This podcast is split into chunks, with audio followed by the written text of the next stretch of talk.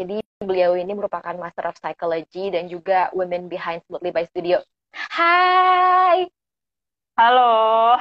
Hai Mbak Sri. Kedengaran Halo. banget. Jelas. Suara aku kedengaran jelas nggak? Jelas, jelas, jelas. Jelas, oke.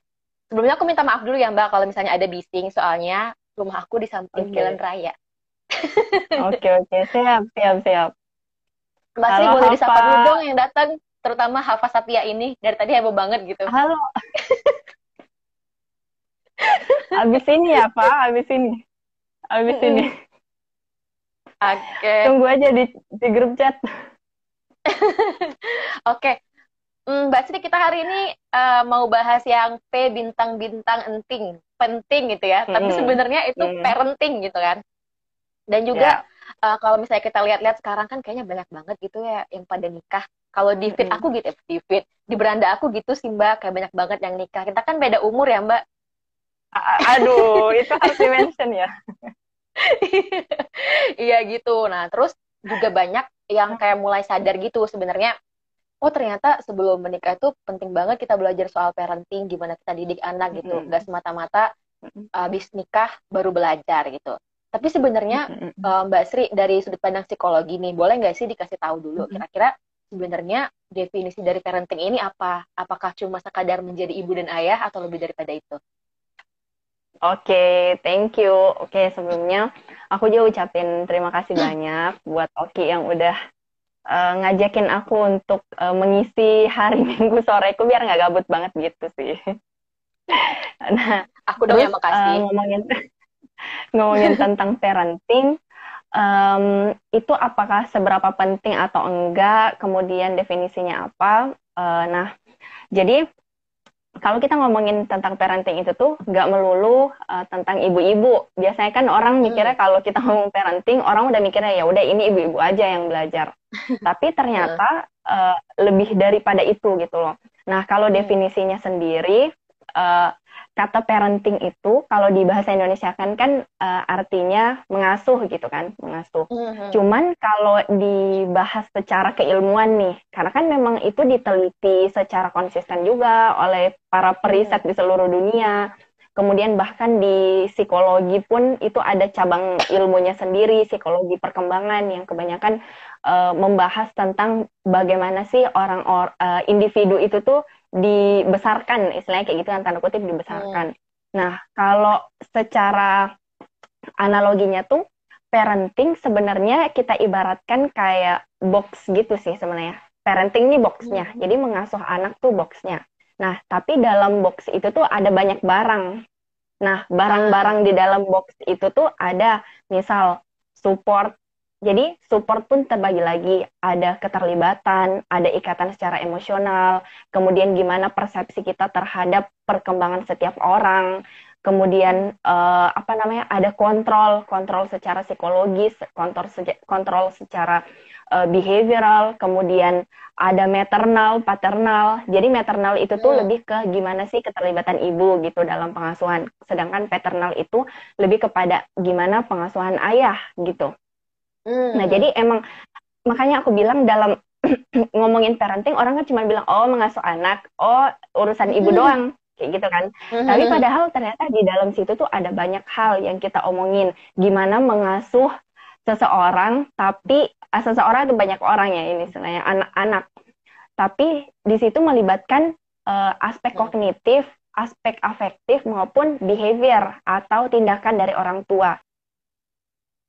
Rendah ataupun tinggi terkait dengan eh, ilmu pengasuhan itu.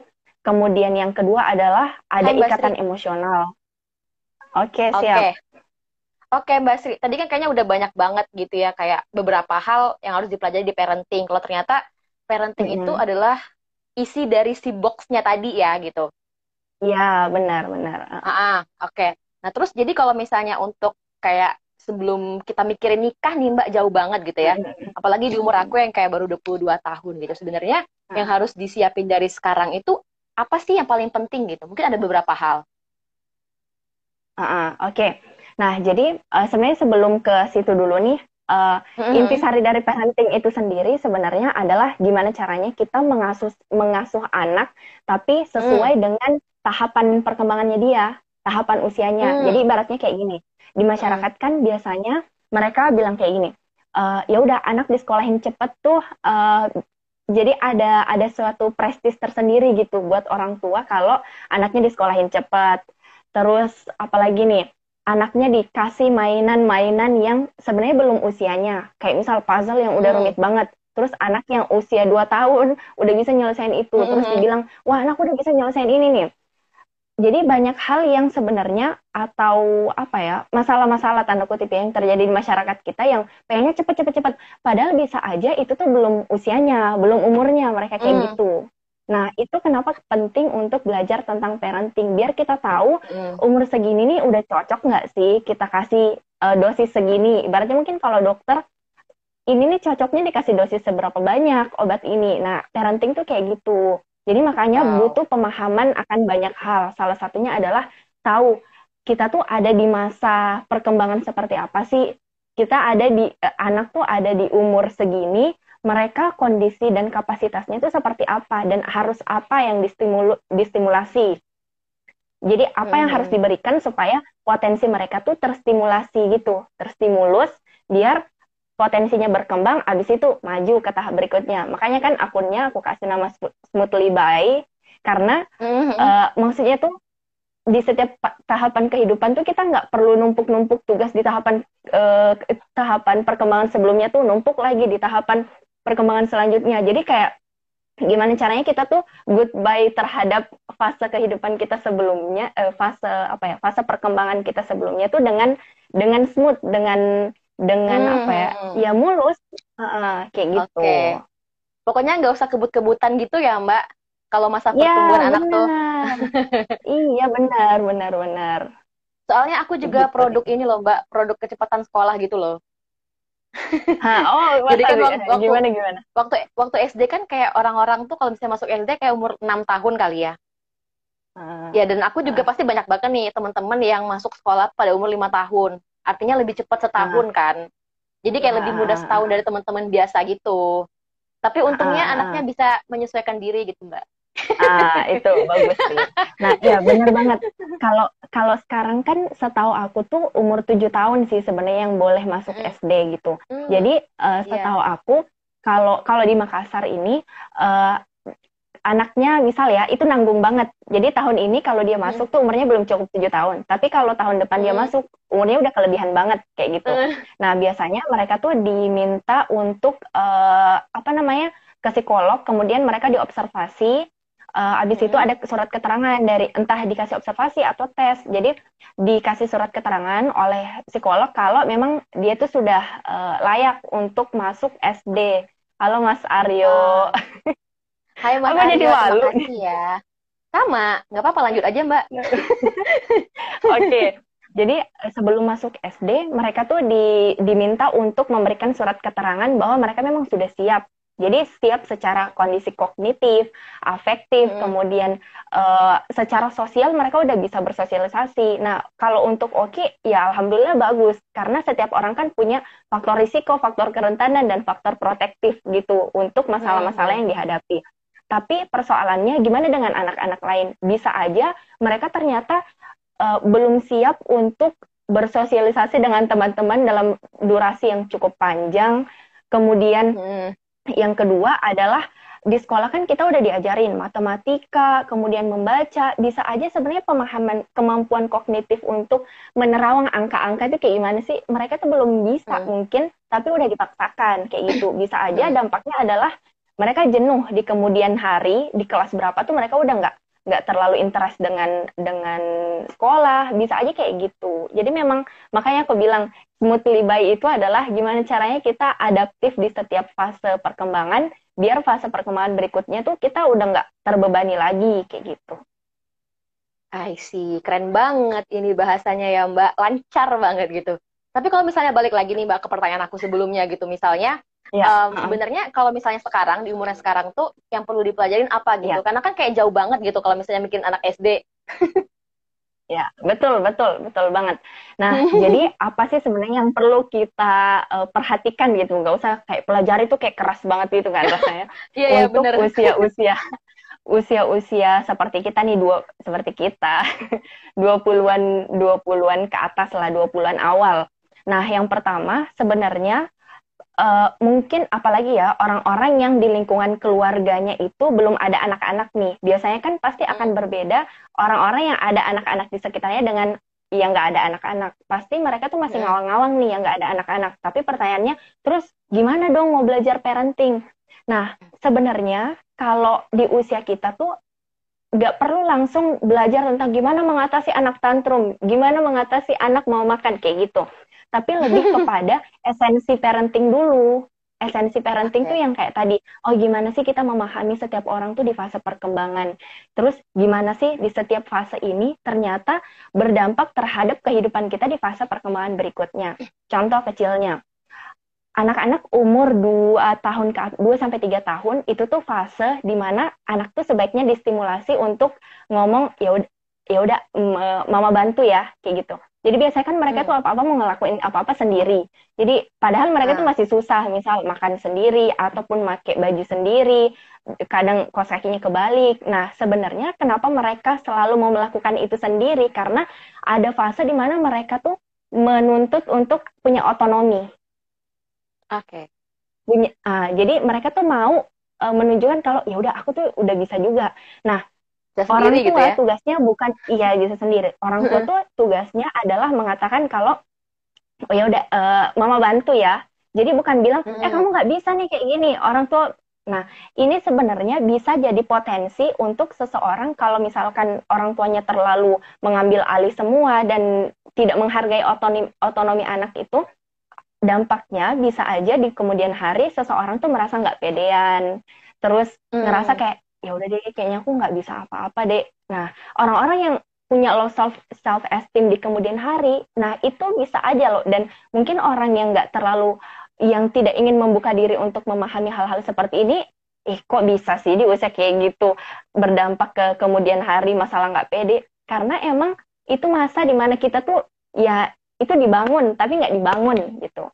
Nah, jadi hmm, hmm. apa yang harus kita pelajari adalah pertama refleksi dulu sih, kita tuh punya isu apa sih sebenarnya? Misal, ada orang di usia 20-an ternyata mereka masih sulit kok untuk mengatur uh, mengekspresikan emosi. Kalau mereka marah, kapan mereka harus mengekspresikan kemarahan mereka?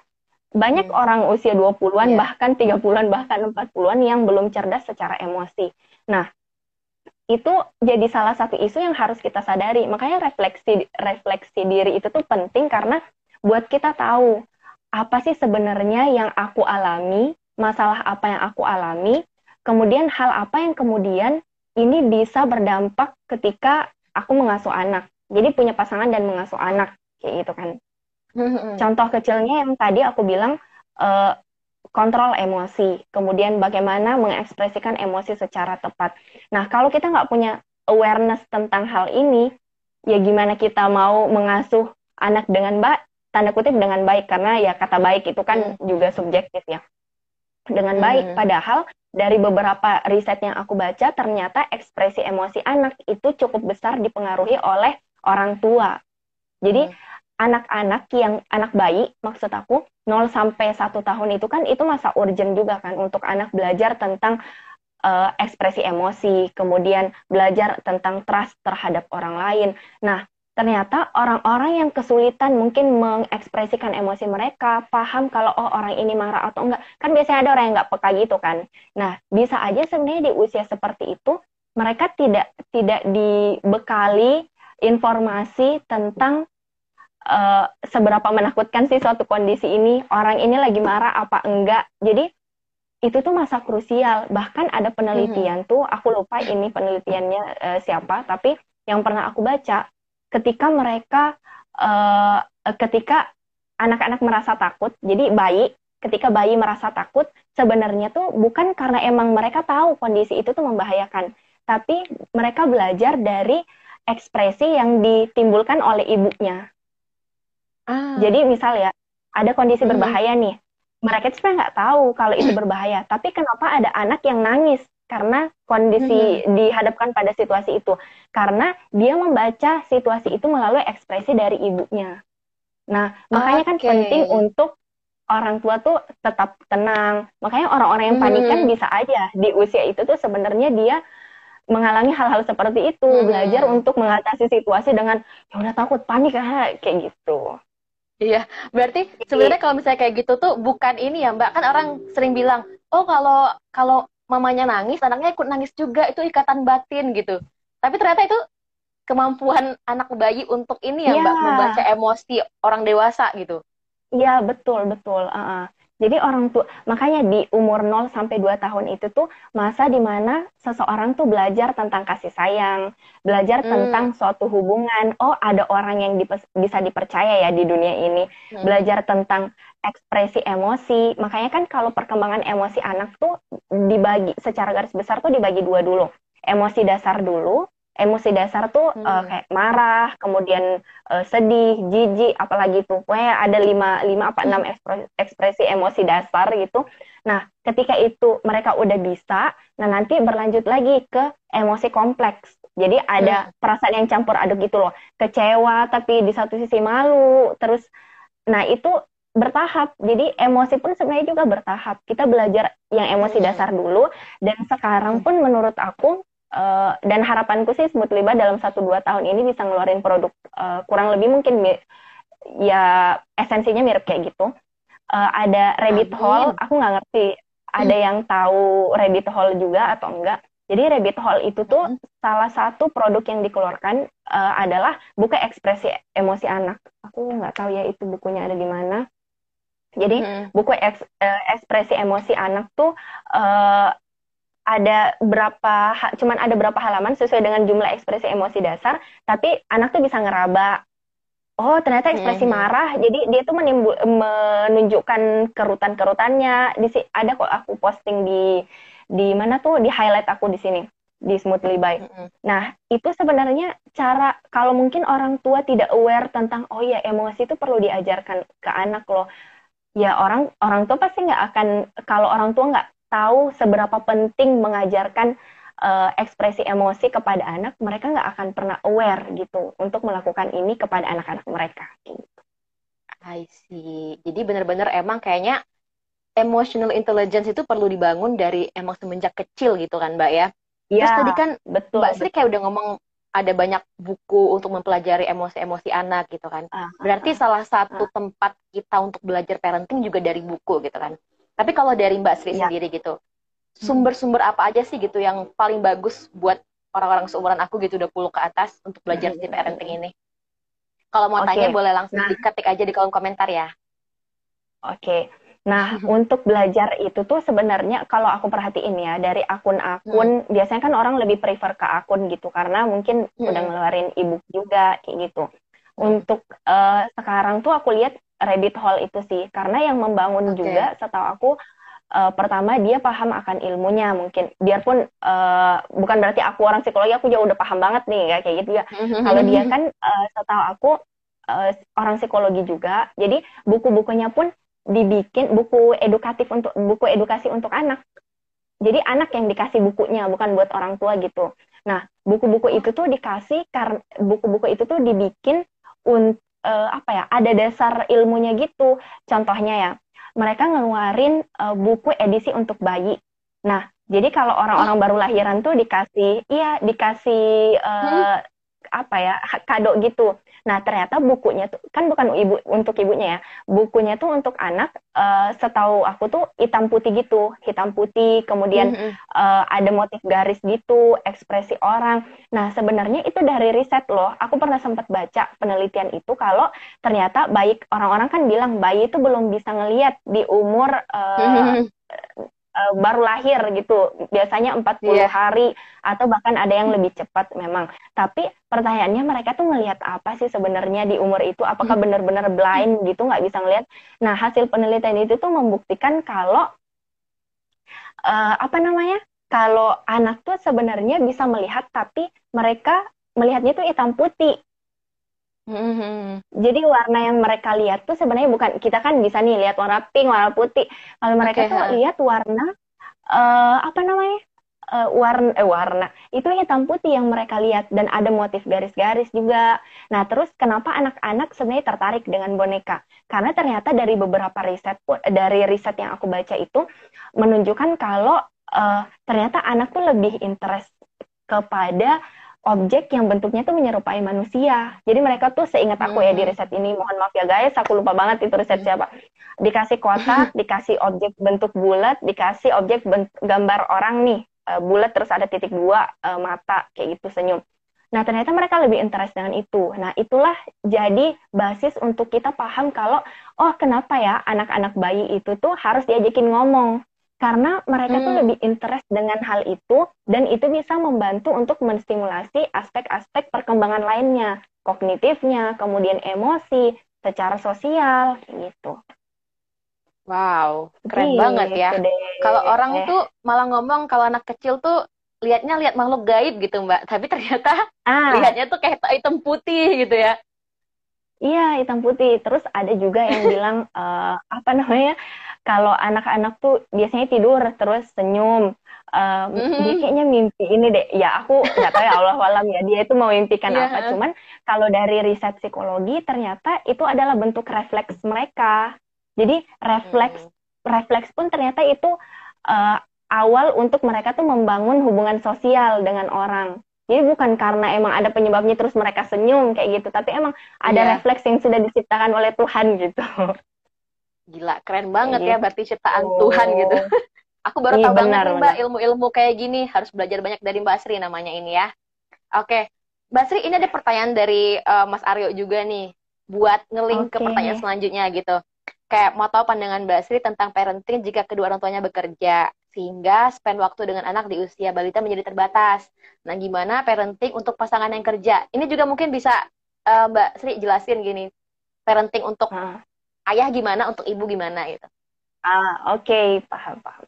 Nah, terus uh, ya makasih Mas Aryo. Jadi uh, ini sebenarnya tuh masalah yang dihadapi hmm. oleh kebanyakan orang ya sekarang generasi milenial mungkin I don't know betul apakah itu generasi milenial tapi uh, apa namanya betul banget itu yang dialami oleh mayoritas orang cuman kalau kalau yang aku lihat sebenarnya mengasuh anak itu kan uh, ibarat ini analogi dari aku ya. Analogi dari aku hmm. tuh kita kupas bawang nih. Bawang tuh kita belah di eh, kita belah di tengahnya itu kan otomatis ada intinya terus ada kulit ada lapisan-lapisannya gitu kan. Nah inti di dalam tuh kayak di dalam diri kita. Intinya uh, inti apa ya?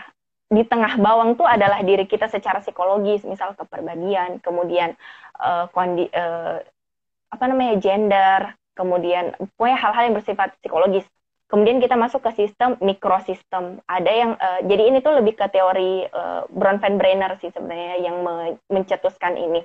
Kalau lingkungan kita tuh berlapis-lapis dan akan mempengaruhi individu secara langsung maupun tidak langsung. Ada mikrosistem, ada keluarga. Kemudian ada lagi mesosistem, gimana keluarga, misal kalau kita ngomongin masalah setting sekolah, gimana uh, orang tua tuh berhubungan dengan uh, guru di sekolah Kemudian ini kan otomatis nggak berhubungan secara lang nggak melibatkan anak secara langsung, tapi ini berdampak terhadap perkembangan anak. Jadi sistem itu bahkan sampai pemerintah, sampai kayak kondisi pandemi ini pun uh, udah bisa dimasukin juga dalam sistem itu. Ada kronos sistem kalau nggak salah. Jadi ada ada lapisan di mana oh ternyata memang kondisi sosial budaya, persepsi kita terhadap gender itu juga sangat mempengaruhi gitu terhadap hmm. perkembangan seseorang. Nah, untuk uh, yang menitipkan balitanya ya, bekerja sehingga spend waktu dengan anak di usia balita menjadi terbatas. Itu otomatis, uh, bukan otomatis sih, kalau yang saya lihat emang banyak orang mengalami itu satu, tapi bukan berarti anak tidak akan berkembang dengan baik. Hmm. Paham nggak? Bukan berarti okay. anak tuh uh, orang tua tidak bisa menghabiskan waktu 24 jam dengan anak apakah itu uh, udah uh, apa ya jadi pencetus utama kalau mereka tuh tidak tidak tidak apa ya tidak membantu pertumbuhan dan perkembangan anak. Tapi kalau kita lihat lagi seberapa berkualitas sih komunikasi antara orang tua dengan anak. Karena kualitas dari komunikasi, kualitas dari uh, pengasuhan pun itu yang jadi jadi kunci utamanya gitu kan.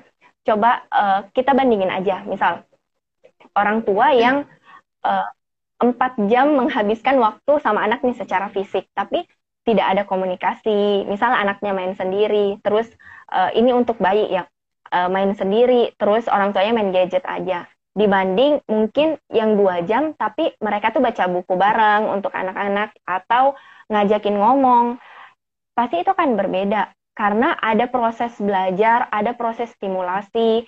Makanya mungkin untuk orang-orang yang bekerja selain uh, apa namanya selain memberikan uh, fasilitas kita nggak bisa bohong ya fasilitas itu pasti hmm. juga sangat mendukung pertumbuhan dan perkembangan anak. Nah mereka pun hadir secara berkualitas gitu untuk uh, perkembangan anak. Nah contohnya hmm. tuh um, video call. Kebanyakan kan sekarang misal orang uh, ayah yang nggak bisa hadir 24 jam untuk anak dalam seminggu, bahkan mungkin cuma sekali ya namanya kondisi ideal kan ya mau kita ya, tapi kondisi hmm. kadang tuh nggak bisa mengikuti idealisme kita. Nah, video call pun bisa jadi media untuk gimana menjalin ikatan emosional antara ayah dengan uh, anak atau mungkin kakek kakek nenek kan biasanya jauh nih tempat tinggalnya. Untuk membangun ikatan emosional dengan anak pun juga ada. Bahkan ada ada penelitian yang lucu menurut aku sih. Jadi uh, kakek neneknya tuh bacain dongeng ke anak uh, lewat video call karena mereka kan cukup jauh kan hmm. tinggalnya dan itu itu ternyata juga tetap ber, berkontribusi terhadap perkembangan uh, bahasa anak gitu jadi emang apa ya kalau menurut aku gimana kita memanfaatkan fasilitas gimana kita me menggunakan waktu luang bersama anak tuh se seoptimal mungkin. Jadi ya gimana caranya memanfaatkan secara optimal? Ya tahu apa yang mereka butuhkan, mereka sedang ada di kondisi apa, dan stimulasi apa yang harus kita berikan ke mereka, kayak gitu.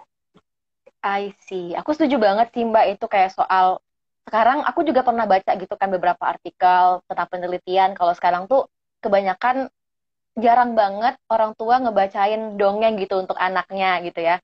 Dan aku juga kemarin sempat sempat bikin modul-modul gitu mbak, modul gitu untuk uh, perantara antara anak dan juga orang tuanya. Jadi kayak cerita-cerita rakyat Sumatera Selatan gitu.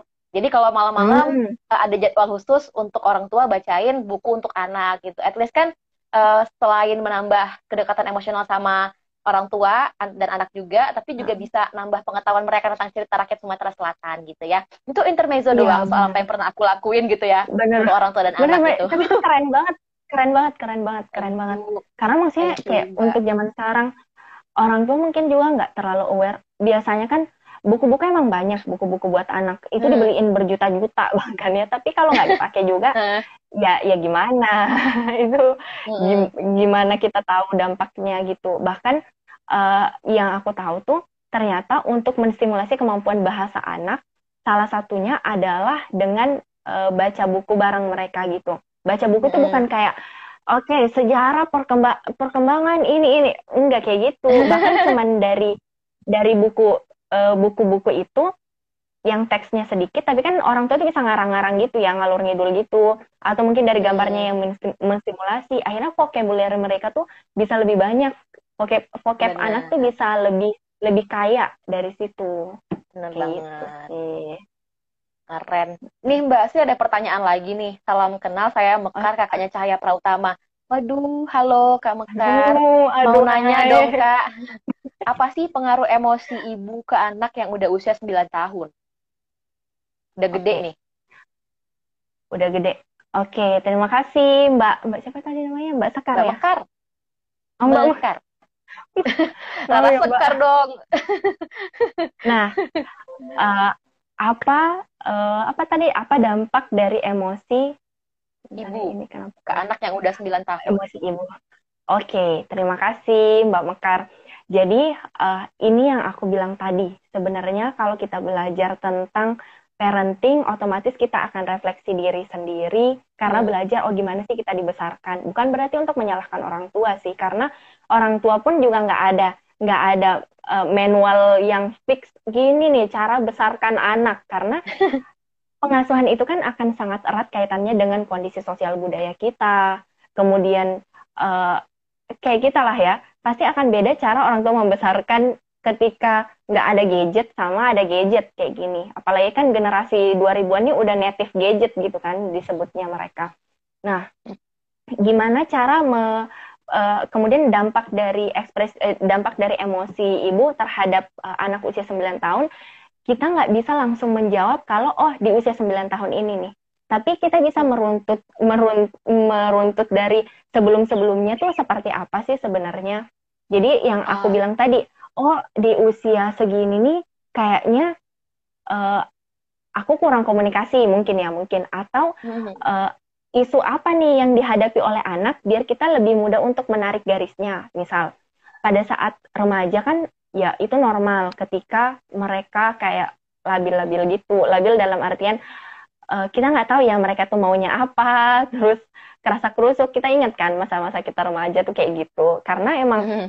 secara biologis pun mereka juga beradaptasi proses adaptasi juga kan. Secara secara biologis perubahan hormonal itu pasti akan seperti itu. Cuman gimana caranya supaya mereka adaptif di fase itu? Salah satunya adalah kita mengidentifikasi dulu nih sebenarnya dia kenapa sih? Kalau emang ada isu yang bermasalah di fase itu ataupun kita menganggap oh kayaknya dia sulit untuk memisahkan emosi nih.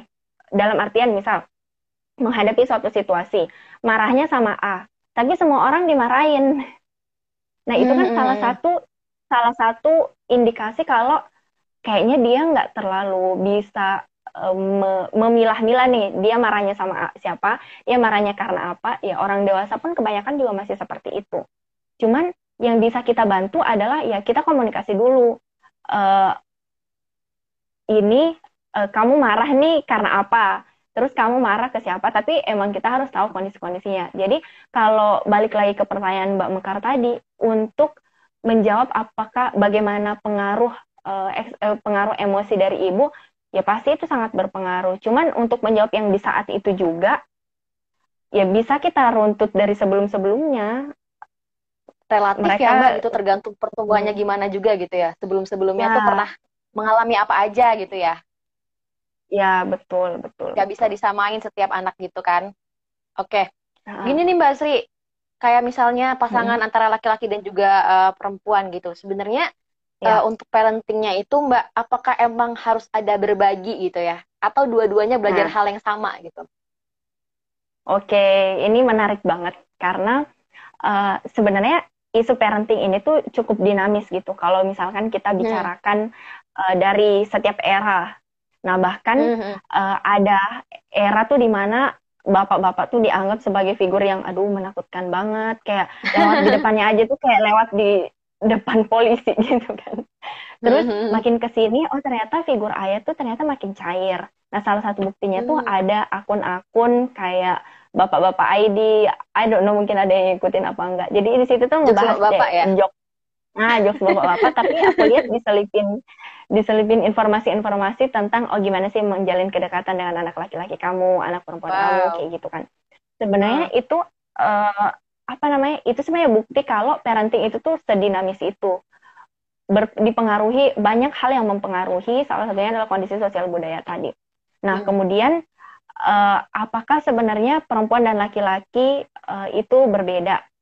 Nah, kalau untuk sekarang sebenarnya riset yang lagi banyak, uh, I don't know itu banyak atau enggak, tapi dari beberapa yang aku baca ternyata itu mengarah ke co-parenting.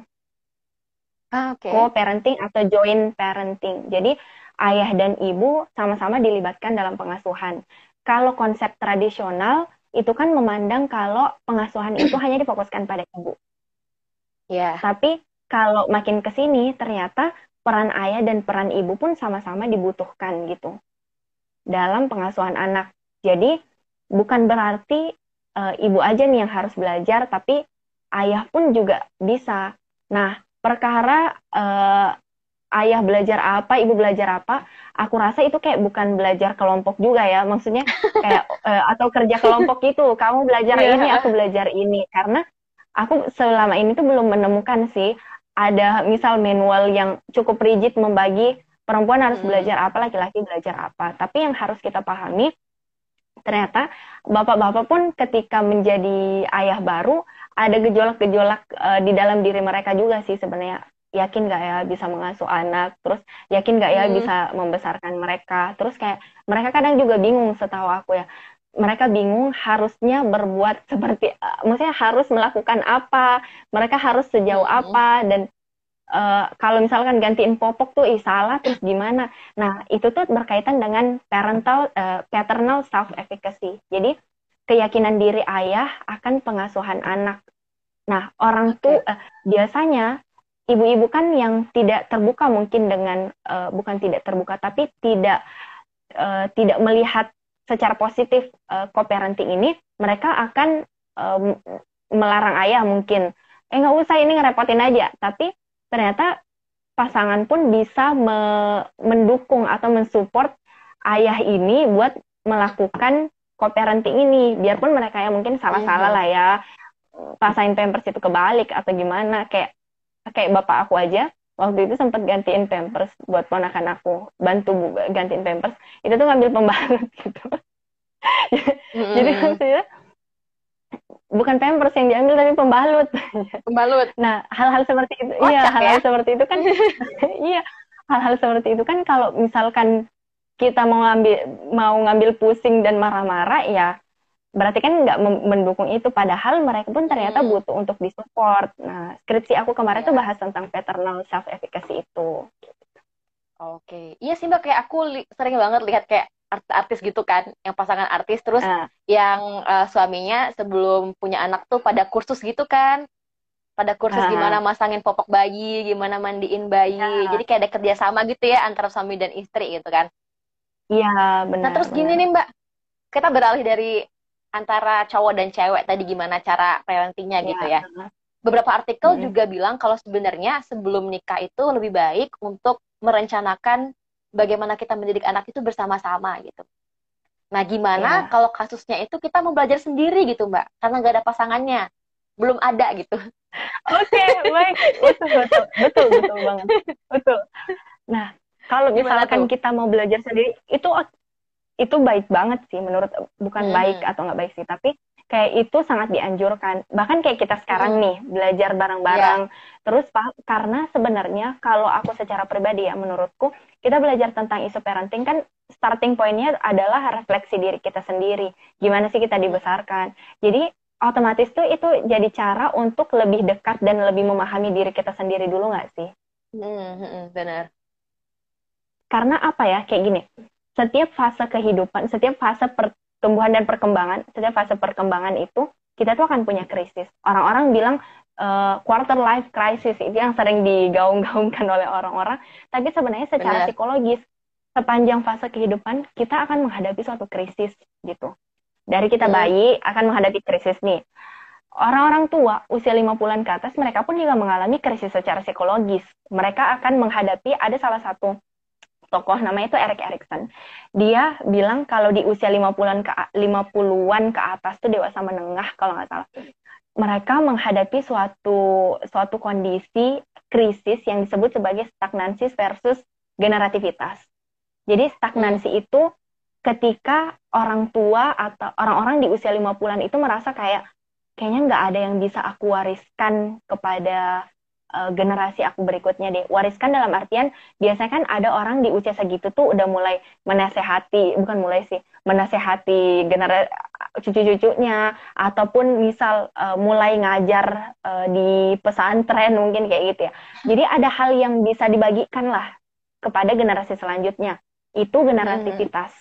Nah, hmm. mereka akan mencapai atau adaptif di kondisi itu dan melewati masa krisisnya ketika mereka bisa merasa kalau aku masih bisa me-generate apa ya, membagikan sesuatu ke generasi aku yang selanjutnya.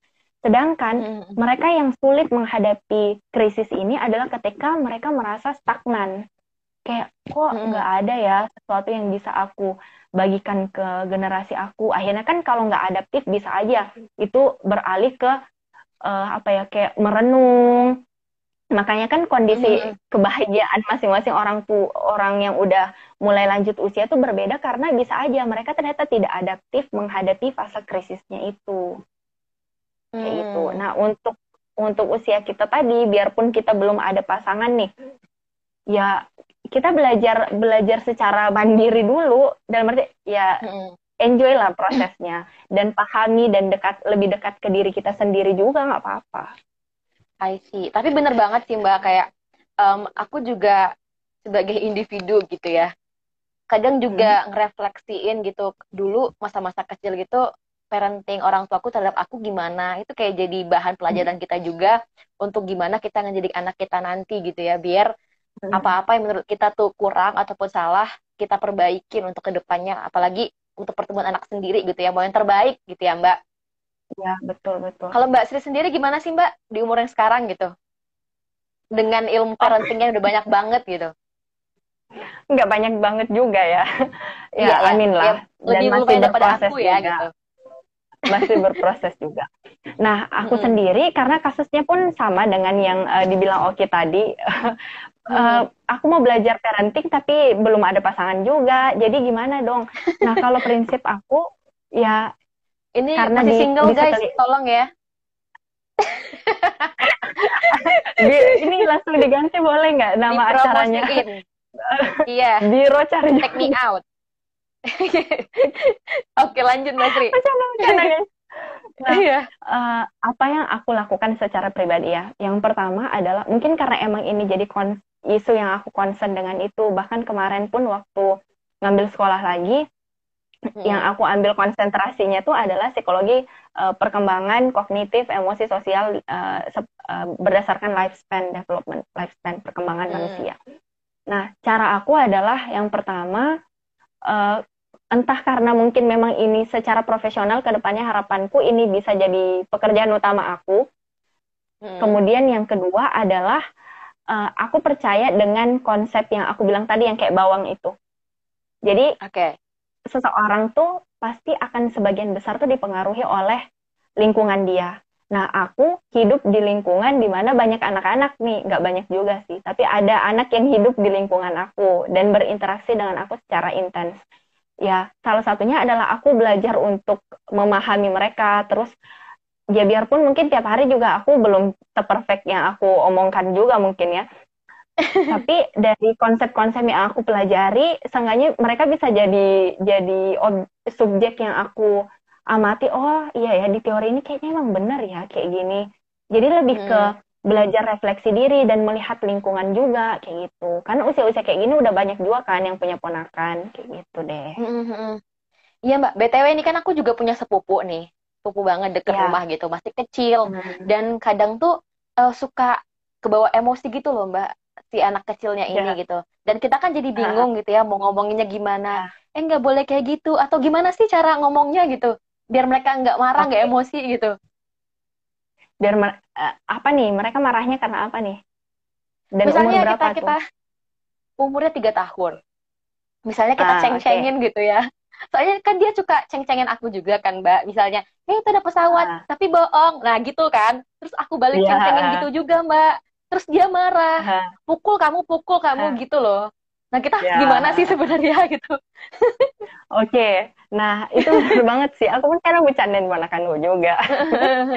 Tapi sebenarnya uh, kalau misalkan ag jadi agresif agresivitas itu memang rawan untuk terjadi di usia-usia itu karena kan mereka ada hal yang mau diomongin tapi ad, udah mulai mulai banyak tuntutan juga akhirnya kan mereka jatuhnya hmm. ya udah aku pukul nih aku ini Nah, cuman lebih yeah. ke ini sih, makin makin bertambahnya usia itu cenderung akan menurun kok.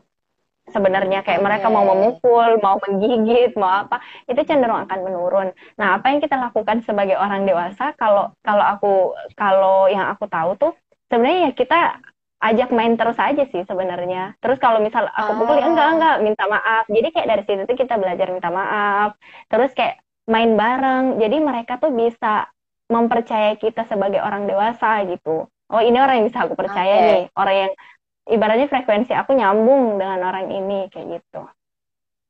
Oke, jadi kalau emang misalnya mereka tiba-tiba emosi gitu, bisa kita alihkan ya Mbak, bisa langsung kita ajak main aja, biar dia kayak lupa ya. gitu ya, kalau sebelumnya dia marah sama kita gitu ya. Dan minta maaf juga pasti. Oh iya benar. Minta maaf dulu minta dong. iya. iya minta maaf yang pasti gitu ya. Kan kan nggak uh, salah mbak bercandain doang iya egois banget ya nah tapi nah ini nih tapi kita pun juga uh. ada bercandaan-bercandaan ternyata yang misalnya eh kamu ditinggalin nih sama ibumu eh ibumu pergi nih mm. hal-hal kayak gitu sebenarnya rawan sih untuk anak-anak buat uh. kita bercandain karena itu sebenarnya adalah fase di mana mereka kayak apa ya tahu akan keberadaan orang ini nih mm-hmm. jadi kita bercandain eh kamu ditinggalin kamu ditinggalin. Biasanya mereka akan merasa kayak kok aku ditinggalin ya? Dan itu sebenarnya efeknya cukup buruk gitu. Ah. nah ada salah satu contoh teman aku teman aku tuh uh, beliau psikolog. Sekarang lagi menempuh hmm. pendidikan psikolog gitu. Nah uh, untuk menjadi seorang psikolog maksud aku. Nah terus uh, dia uh, beliau tuh lagi uh, apa namanya kalau dokter tuh kayak koas gitu kan. Nah hmm. contoh kasusnya adalah pecandu narkoba jadi pecandu ah. ini uh, pada saat diidentifikasi ternyata salah satu starting point kenapa akhirnya dia memakai itu adalah uh, waktu dia kecil dia tuh lagi tidur terus mm-hmm. dia tahu sebenarnya ibunya tuh mau pergi tapi tiba-tiba pas dia bangun ibunya tuh udah pergi nah okay. dia tuh kaget gitu kaget ah kok aku tiba-tiba ditinggalin dan itu ternyata membekas akhirnya tuh bisa jadi mungkin memang dia udah punya faktor risiko gitu yang membuat dia akhirnya menjadi pecandu. Tapi bisa aja itu faktor kerentanan gitu yang memperparah keadaan. Jadi faktor risiko itu tuh adalah faktor di mana kalau kita udah kena itu misal kekerasan di saat kecil itu akan berpotensi besar mengalami atau berdampak untuk kita mengalami suatu permasalahan di kemudian hari gitu. Permasalahan hmm. psikologis. Kemudian uh, faktor kerentanan tuh faktor yang memperparah. Jadi kayak ibaratnya udah luka terus disiram lah gitu. Itu faktor kerentanan. Nah, hmm. pada saat itu dia bangun terus kaget orang tuanya itu nggak, mamah itu nggak ada. Nah, akhirnya hmm. ini bisa aja yang menjadi persoalan dia kayak nggak ada apa ya merasa ditinggalkan, kemudian sulit percaya sama orang, itu bisa aja kayak gitu makanya bahaya sih hmm. kalau kita bilang ke anak-anak kamu ditinggalin sama mamahmu tuh mereka akan karena itu masa di mana mereka harus tahu oh aku uh, orang tua aku ke sini nih. Terus misal kayak hmm. menyusui setelah menyusui biasa kan orang tua tuh isunya adalah lepas menyusui itu ditaruh obat lah ditaruh apa uh, ke payudara ibunya biar anaknya lepas. Hmm. padahal sebenarnya itu cukup berbahaya sih dengan anak. Ibaratnya tuh kayak kita tuh punya barang ya kita suka banget. Terus dipaksa ditarik itu pasti akan menimbulkan luka yang cukup bes apa ya menimbulkan efek yang cukup besar untuk kita. Tapi mm-hmm. sebagian ternyata anak-anak bisa di, diomongin. Jadi sebelum beberapa yeah. bulan sebelum dia selesai menyusui masa menyusui disusui di asi mereka tuh udah dikasih tahu eh bentar lagi kamu umur segini loh. Bentar lagi uh, kamu masuk umur nggak ada nggak nyusuin lagi. Nanti bakal susu susu botol kayak gitu jadi hmm. ada sounding dari dari jauh-jauh hari secara konsisten yeah. dan mereka akan lepas bridging dulu ya ya betul sebelumnya di bridging dulu kamu nanti mau pakai botol nyusunya gitu ya iya boleh ya, kalau misalnya betul. mau tanya langsung aja diketik ya kalau waktunya cukup nih soalnya ini tinggal berapa menit lagi nih 10 menit lagi oke okay. Mbak Sri aku masih ada satu pertanyaan nih Mbak Sri ya Kayaknya kita udah bahas boleh. juga kemarin sempet kan gitu. Kayak gimana ya. kalau misalnya orangnya ini tuh nggak memutuskan untuk menikah gitu. Nggak mau nikah, hmm. dia mau jomblo aja seumur hidup gitu. Nah itu gimana Mbak? Ya. Sebenarnya ya. penting juga nggak sih belajar parenting itu? Oke.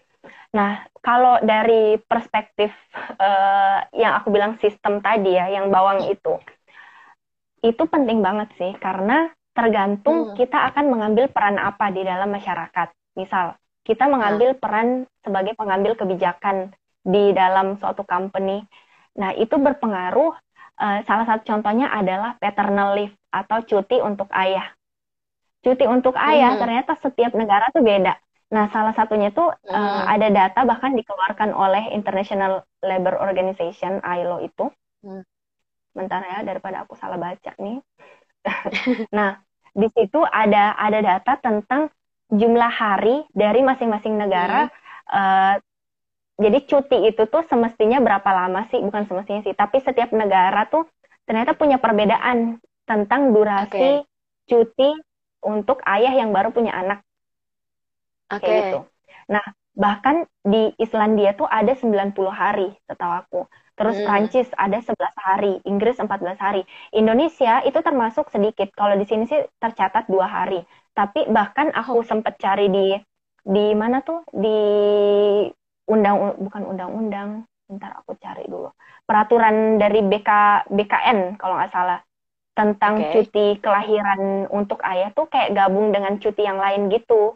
Jadi misal okay. ada cuti aku nggak bisa sih jelasin secara spesifik karena aku lupa itu uh, cutinya apa aja tapi intinya di Indonesia kita tuh belum me memberikan fasilitas cuti itu cuti ayah yang okay. baru kan cuman ibu kan itu ibu kalau nggak salah tiga mm-hmm. bulan ya nah cuman untuk ibu tapi ketika pengambil kebijakan ini nggak terlalu paham buat apa sih bapak-bapak cuti padahal sebenarnya itu kan masa di mana anak juga bisa membangun trust terhadap ayahnya kemudian itu ternyata berpengaruh terhadap kemampuan kognitif anak juga jadi mereka harus uh, setidaknya ber berinteraksi secara intens kayak gitu.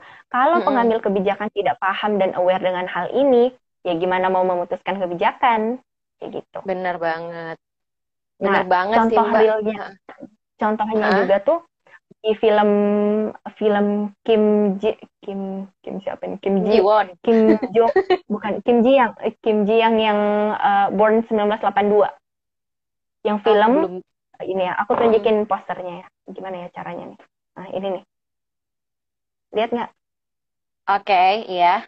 Udah kelihatan kan nah itu kan hmm. sebenarnya bicara tentang isu bagaimana peran peran perempuan dan isu gender lah di di hmm. Korea di situ ada adegan di mana um, si siapa nih bapaknya nih mau ngambil cuti karena istrinya mau masuk kerja tapi pemerintah pemerintah di sana pun ada kebijakan ternyata untuk ngambil cuti selama satu tahun buat bapak-bapak ada disediakan. Nah, tapi dia nggak jadi ngambil cuti karena ternyata di sana tuh ada fasilitas tapi masyarakat tidak mendukung. Bahkan dia di film itu seingat aku tuh dia nyebutin kayak gini. Iya, aku ngambil cuti, tapi pas aku balik kantor meja aku udah nggak ada. Ah, dalam oke. Okay. Dalam artian ada fasilitas ada fasilitas, mm-hmm. tapi ternyata masyarakat pun tidak mendukung. Jadi maksud aku kita belajar parenting itu pun bukan semata-mata ya udah aku mau menjadi orang tua biologis. Siapa tahu orang orang yang tidak memutuskan untuk menjadi orang tua biologis, tapi mereka kan akan mengambil peran di dalam masyarakat gitu. Salah satu Benar. biarpun tidak memegang memegang peran untuk mengambil kebijakan atau merancang kebijakan, tapi setidaknya mereka mendukung kebijakan itu misalkan. Nah di Indonesia Benar. pertanyaannya seberapa aware kita akan hal itu. Temenku aja tuh pernah aku tanya, yang udah menikahkan, Mbak kira-kira butuh nggak sih bapak-bapak tuh buat cuti? Alah, ibu-ibu aja nih yang diperpanjang cutinya, mending itu lebih penting kayak gitu. Padahal sebenarnya ketika kita aware dengan hal itu, ya pasti itu akan cukup welcome dengan hal-hal yang bersifat seperti ini. Tapi ya memang isu gender itu akan besar pengaruhnya juga dengan itu. Bener banget tuh. Coba Bapak yang dengerin live ini diinget ya kalau parenting itu bukan cuma untuk emak-emaknya doang, tapi bapak-bapaknya juga gitu ya. Mbak terakhir nih Mbak, boleh nggak nih dikasih okay. kayak pesan gitu buat teman-teman yang lagi nonton? Ayo gitu, uh -huh. belajar parenting. Itu penting banget gitu sebelum kita memulai hidup bersama orang lain. Oke. Okay. apa ya pesan uh, closing statement gitu ya berarti. Iya, yep, closing statement. Nggak uh, usah nggak usah buru-buru juga. Tapi hmm. uh, kalau toh memang parenting itu tuh dirasa kayak berat banget, iya harus belajar mengatasi anak tantrum kayak gini-gini. Hmm. Lebih dekat ke diri aja sendiri dulu sih. Refleksi okay. gimana kita dibesarkan. Ya udah, itu aja dulu. Gak usah buru-buru. Okay. Seenggaknya itu starting point untuk buka mata kita. Oh, habis ini aku apalagi ya yang harus aku tahu Sip, lagi-lagi kita harus refleksi diri dulu ya Mbak, kira-kira apa yang harus dibenahi gitu untuk kita memulai memproduksi tapi manusia jangan, lain gitu ya. ya. tapi jangan jangan menyalahkan jangan orang tua juga. Jangan menyalahkan ah. orang tua juga kayak orang tua nih besarin aku kayak gini. Enggak. Iya, uh -uh. Jangan jadi anak toksik juga ya nyalahin orang tua gitu ya pokoknya terus berkembang berproses aja gitu ya Mbak. Tadi kayak banyak banget gitu iya. sumber-sumber yeah. yang bisa kita pakai untuk belajar dari buku, dari akun-akun Instagram juga. Boleh juga nih di-follow smoothly by dot studio. Yeah. Aku okay, juga udah lihat konten-kontennya bagus banget. Mbak Sri juga tiap minggu live kan gitu bareng akun-akun yang lain. Pokoknya thank you banget ya Mbak Sri udah mau aku undang hari ini. Oke, okay, aku juga makasih banyak nih, Oke. Iya, untung kita untung kita nggak nahan, nahan tawa ya hari ini. Karena banyak yang datang di live ini ya. Oke, okay, semoga kita nextnya bisa live lagi bahas tentang hal lain lagi ya, Mbak di bidang psikologi okay, atau siap, lagi siap. juga boleh tapi lebih mendalam. Oke, okay, thank you Mbak siap. Sri. Bye. Bye, thank you Oki. Makasih teman-teman yang udah join. Wow, thank you so much buat teman-teman yang udah nonton. Udah sejam aku bahas soal parenting, terutama parenting sebelum nikah nih buat teman-teman yang udah mau persiapan ataupun juga belum punya pasangan jangan khawatir karena kalian juga penting buat belajar belajar hal ini ya karena ini juga bukan cuma buat orang yang mau jadi orang tua, tapi bahkan walaupun kita nggak punya rencana untuk nikah itu pun jadi hal yang penting karena contohnya tadi banyak kebijakan-kebijakan uh, yang harus diambil dengan mempertimbangkan peran dari ibu dan juga ayah. Pokoknya see you di Fabulous Talk berikutnya. Kita bakal bahas yang menarik lagi. Bye!